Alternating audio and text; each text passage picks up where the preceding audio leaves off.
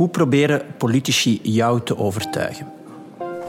Om de vier jaar gaan we naar de stembus en bepalen we mee wie ons vertegenwoordigt in het parlement. In de weken voor die stembusgang zetten politici alles op alles om jou te overtuigen om op hen te stemmen. Op 26 mei hebt u de keuze. Gaan we allemaal samen. Gewoon doen! Daarvoor vraag ik uw steun, want elke stem telt. Maar mede door de opkomst van sociale media gaan politici elke dag campagne voeren en is jou overtuigen een bijna permanente bezigheid geworden. Ik reken op u. Maar hoe doen politici dat precies? Hoe proberen politici jou te overtuigen? Vanuit het Vlaams parlement. Dit is de Universiteit van Vlaanderen. Om mensen te overtuigen heb je in hoofdzaak drie zaken nodig. Een sterke boodschap, een bekwame en authentieke boodschapper, de politicus dus, en een goede kennis van de brede waaier aan kanalen om die boodschap bij de kiezers te brengen. Laat ik beginnen met de boodschap. Verkiezingen worden gewonnen door politici en partijen met een duidelijk verhaal. Dat verhaal gaat over de maatschappij en in welke richting zij die maatschappij willen sturen. Dat grote verhaal noemen politicologen een ideologie, een visie op de samenleving. Een klassieke ideologie, zoals socialisme, gaat uit van gelijkheid tussen mensen, terwijl bijvoorbeeld het liberalisme veel meer vertrekt vanuit het belang van individuele vrijheid. Tegenwoordig krijgt een ideologie of visie in de eerste plaats vorm door bepaalde thema's naar voren te schuiven. Partijen gaan benadrukken welke thema's voor hen belangrijk zijn en worden na verloop van tijd door de kiezers aanzien als eigenaar van die thema's. Kerncentrales vallen om de haverklap uit, maar als we durven investeren in renovaties, durven investeren in hernieuwbare energie, dan is er zeer veel mogelijk. Wie aan milieu of klimaat denkt, komt al snel uit bij de partij Groen. Er werd ons een kordaat migratiebeleid beloofd, maar in realiteit kregen we opnieuw open grenzen. Wie zich zorgen maakt over migratie, legt de link met Vlaams Belang. Nu, die link tussen thema en partij ontstaat niet van vandaag op morgen en het duurt soms jaren alvorens een partij een thema aan zich kan binden. Uit ons onderzoek blijkt ook dat het niet evident is om het thema van een andere partij te kapen. Een menselijk migratiebeleid, daar gaan wij voor. Zo heeft de N-VA de afgelopen jaren getracht het migratiethema van het Vlaams Belang los te weken. Wij willen een eerlijke migratie. Dat betekent eerlijke kansen geven maar ook eerlijk antwoorden. Maar dat is in de ogen van de kiezers niet echt gelukt. Het volstaat ook niet om simpelweg eigenaar te zijn van een bepaald thema. Je moet als partij ook een duidelijke positie hebben over hoe je dat thema en de bijhorende problemen wil aanpakken. Bij de laatste verkiezingen was Groen de duidelijke eigenaar van de klimaatproblematiek. Maar raakte de partij wat in de problemen omdat ze niet eenduidig kon uitleggen welke oplossingen er nu net nodig zijn om de opwarming van de aarde aan te pakken.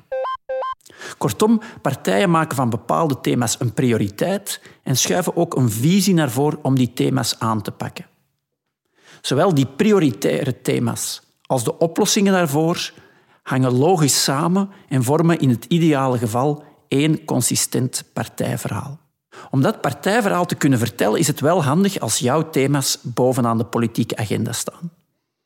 Partijen trachten daarom dat het politieke debat, zeker in de weken voor de verkiezing, over hun thema's gaat.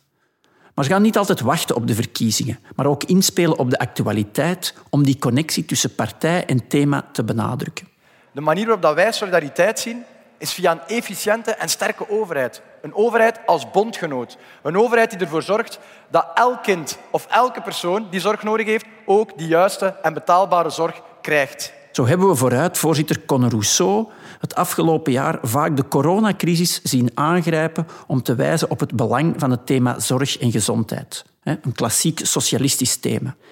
En eigenlijk wou hij ook zo benadrukken dat zijn partij het meest geschikt en bekwaam is om dat thema aan te pakken. We hebben onze verantwoordelijkheid genomen op een moeilijk moment. En we zijn zonder angst aan het roer gaan staan op een woelige zee. En we hebben onze kernwaarden, onze visie, solidariteit, stevig op de kaart gezet. Dus je moet een verhaal hebben, dat concreet invullen en dat overtuigd en doorleefd kunnen brengen.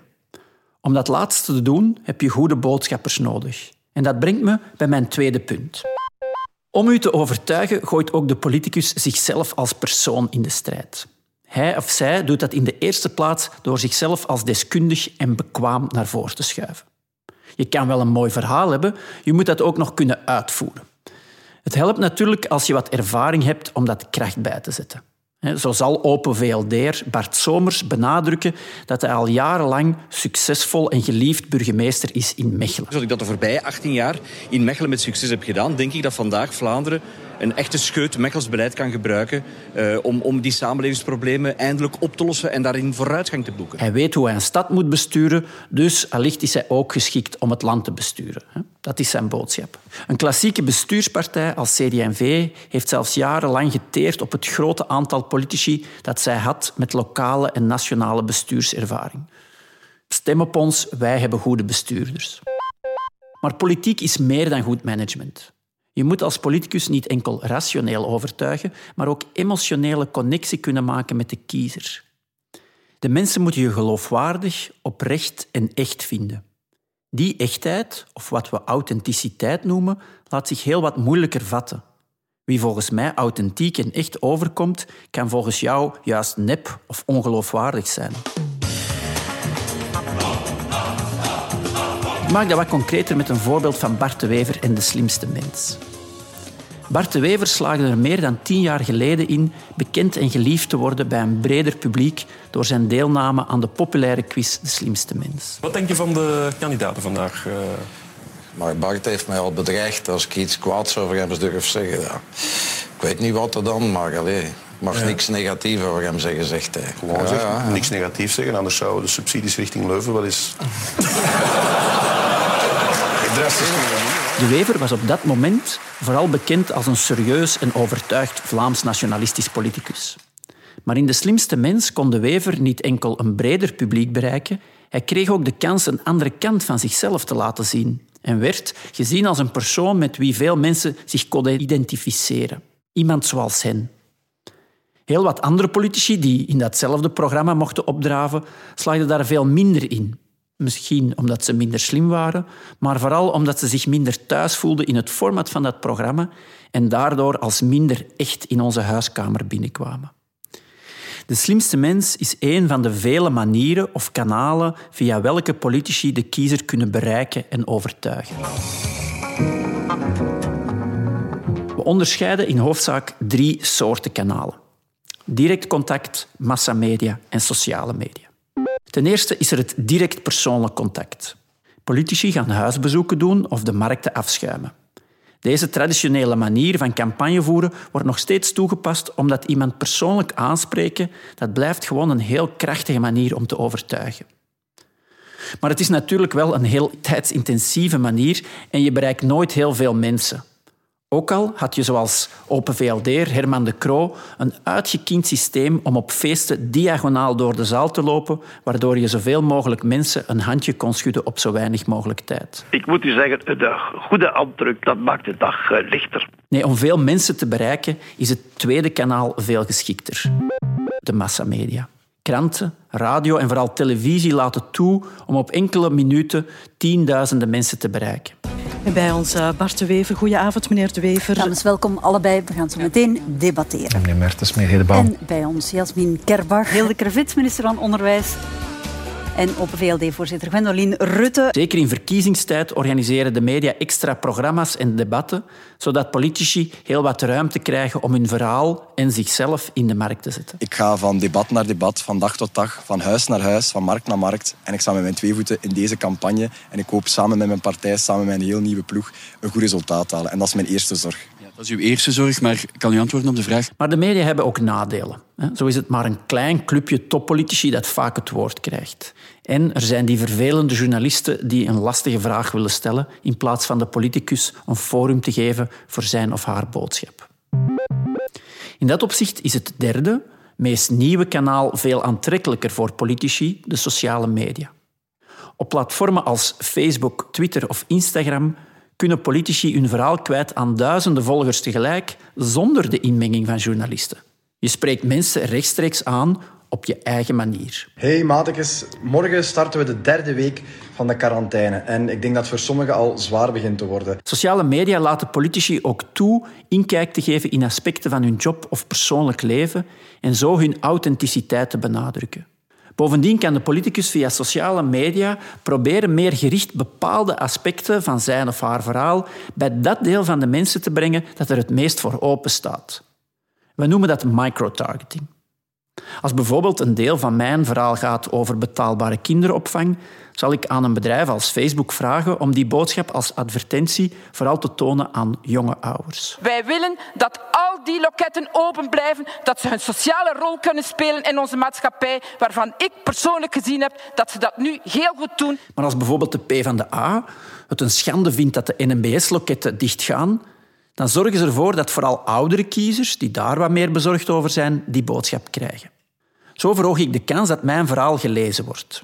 Dus sociale media geven politici heel wat nieuwe mogelijkheden om hun boodschap aan de man te brengen, maar wellicht de grootste uitdaging voor politici op sociale media is dat ze daar niet alleen zijn en dat mensen overladen worden met berichten. En dat het dus niet evident is om aandacht te krijgen voor jouw verhaal. Kortom, politici hebben dus steeds meer kanalen om de burgers te bereiken, maar dat maakt het ook wel lastiger, omdat al die kanalen werken volgens hun eigen logica. Een politicus die goed communiceert, die weet dat je je stijl en manier van communiceren aanpast aan die logica. Op straat moet je bijvoorbeeld een kiezer anders aanspreken dan in de studio van Ter Zake. En op Instagram word je ook geacht anders te communiceren dan op Twitter. En doordat al die kanalen met hun eigen manier van werken, ontstaat er het gevaar dat de centrale boodschap van de partij verloren gaat. Dat is een probleem, want verkiezingen worden gewonnen door partijen die on-message blijven. Partijen die erin slagen hun thema's en oplossingen naar voren te schuiven en steeds op dezelfde nagel hameren. Dat gaat natuurlijk niet als de vele politici van één partij allemaal kleine verhaaltjes gaan vertellen. Nee, je moet die één overkoepelende boodschap, één samenhangend verhaal vertellen in al die verschillende kanalen, maar daarbij telkens rekening houden met de eigenheid van dat kanaal. Een slim en authentiek politicus is een soort chameleon die zich vormelijk aanpast aan de omgeving, maar die tegelijkertijd erin slaagt om zichzelf te blijven en dat ene verhaal te vertellen. En dat is allerminst evident. Helemaal ideaal is het als persoon en verhaal samenvallen. Zoals dat ooit het geval was bij socialist Steve Stevaart, die het gratis verhaal van zijn partij personaliseerde. Een sfeer in Vlaanderen te creëren dat het openbaar vervoer hip is, dat het openbaar vervoer in is, dat bussen niks van de Russen is, maar dat bussen een hedendaags vervoersmiddel is. Stevaart vond dat heel wat voorzieningen, zoals het openbaar vervoer, gratis moesten zijn. En slaagde er met zijn populaire, informele stijl in heel wat mensen voor zijn verhaal warm te maken. Maar het gratis verhaal is niet heel lang overeind gebleven. Onder andere omdat heel wat tegenstanders er stevige kritiek op hadden. Het bekritiseren van het verhaal van iemand anders is natuurlijk ook een onderdeel van politieke communicatie. Een politicus kan immers maar stemmen winnen als iemand anders er verliest. Politici doen daarom ook aan negatieve campagnevoering, waarbij je de boodschap of de boodschappers van een andere partij aanvalt. Dat dat het essentiële probleem is. Wie gelooft er, Guy Verhofstadt nog, Kijk, wie gelooft er de VLD Toen CD&V-politicus Yves Leterme zich in 2009 luidop afvroeg wie gelooft die mensen nog, stelde hij eigenlijk de geloofwaardigheid van zijn concurrent Guy Verhofstadt in vraag. Waarbij hij zichzelf als het meer betrouwbare alternatief presenteerde. En tijdens de campagne van 2019 waarschuwde Bart de Wever voor een GroenLinkse belastingtsunami. En speelde hij dus in op de angst van mensen dat het met een linkse regering de belastingen zouden stijgen. Denk zondag goed na over uw stem. Want alleen met een stem voor de NVA kan u de rood-groene belastingstsunami alsnog tegenhouden. Ik reken op u. Negatieve campagnevoering kan erg effectief zijn om een tegenstander te beschadigen en kiezers van kamp te doen veranderen. Maar in een meerpartijenlandschap zoals het onze biedt dat evenwel geen zekerheid dat die kiezers ook naar jouw partij overlopen en niet naar die van een concurrent. Dus, hoe proberen politici jou te overtuigen?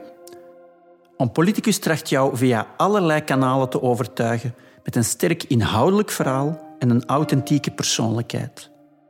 Maar welke verhalen indruk maken en welke mensen nu net als echt of authentiek worden aanzien, dat is heel persoonlijk en variabel. Gelukkig maar. Want zo blijft het bij elke verkiezing erg spannend.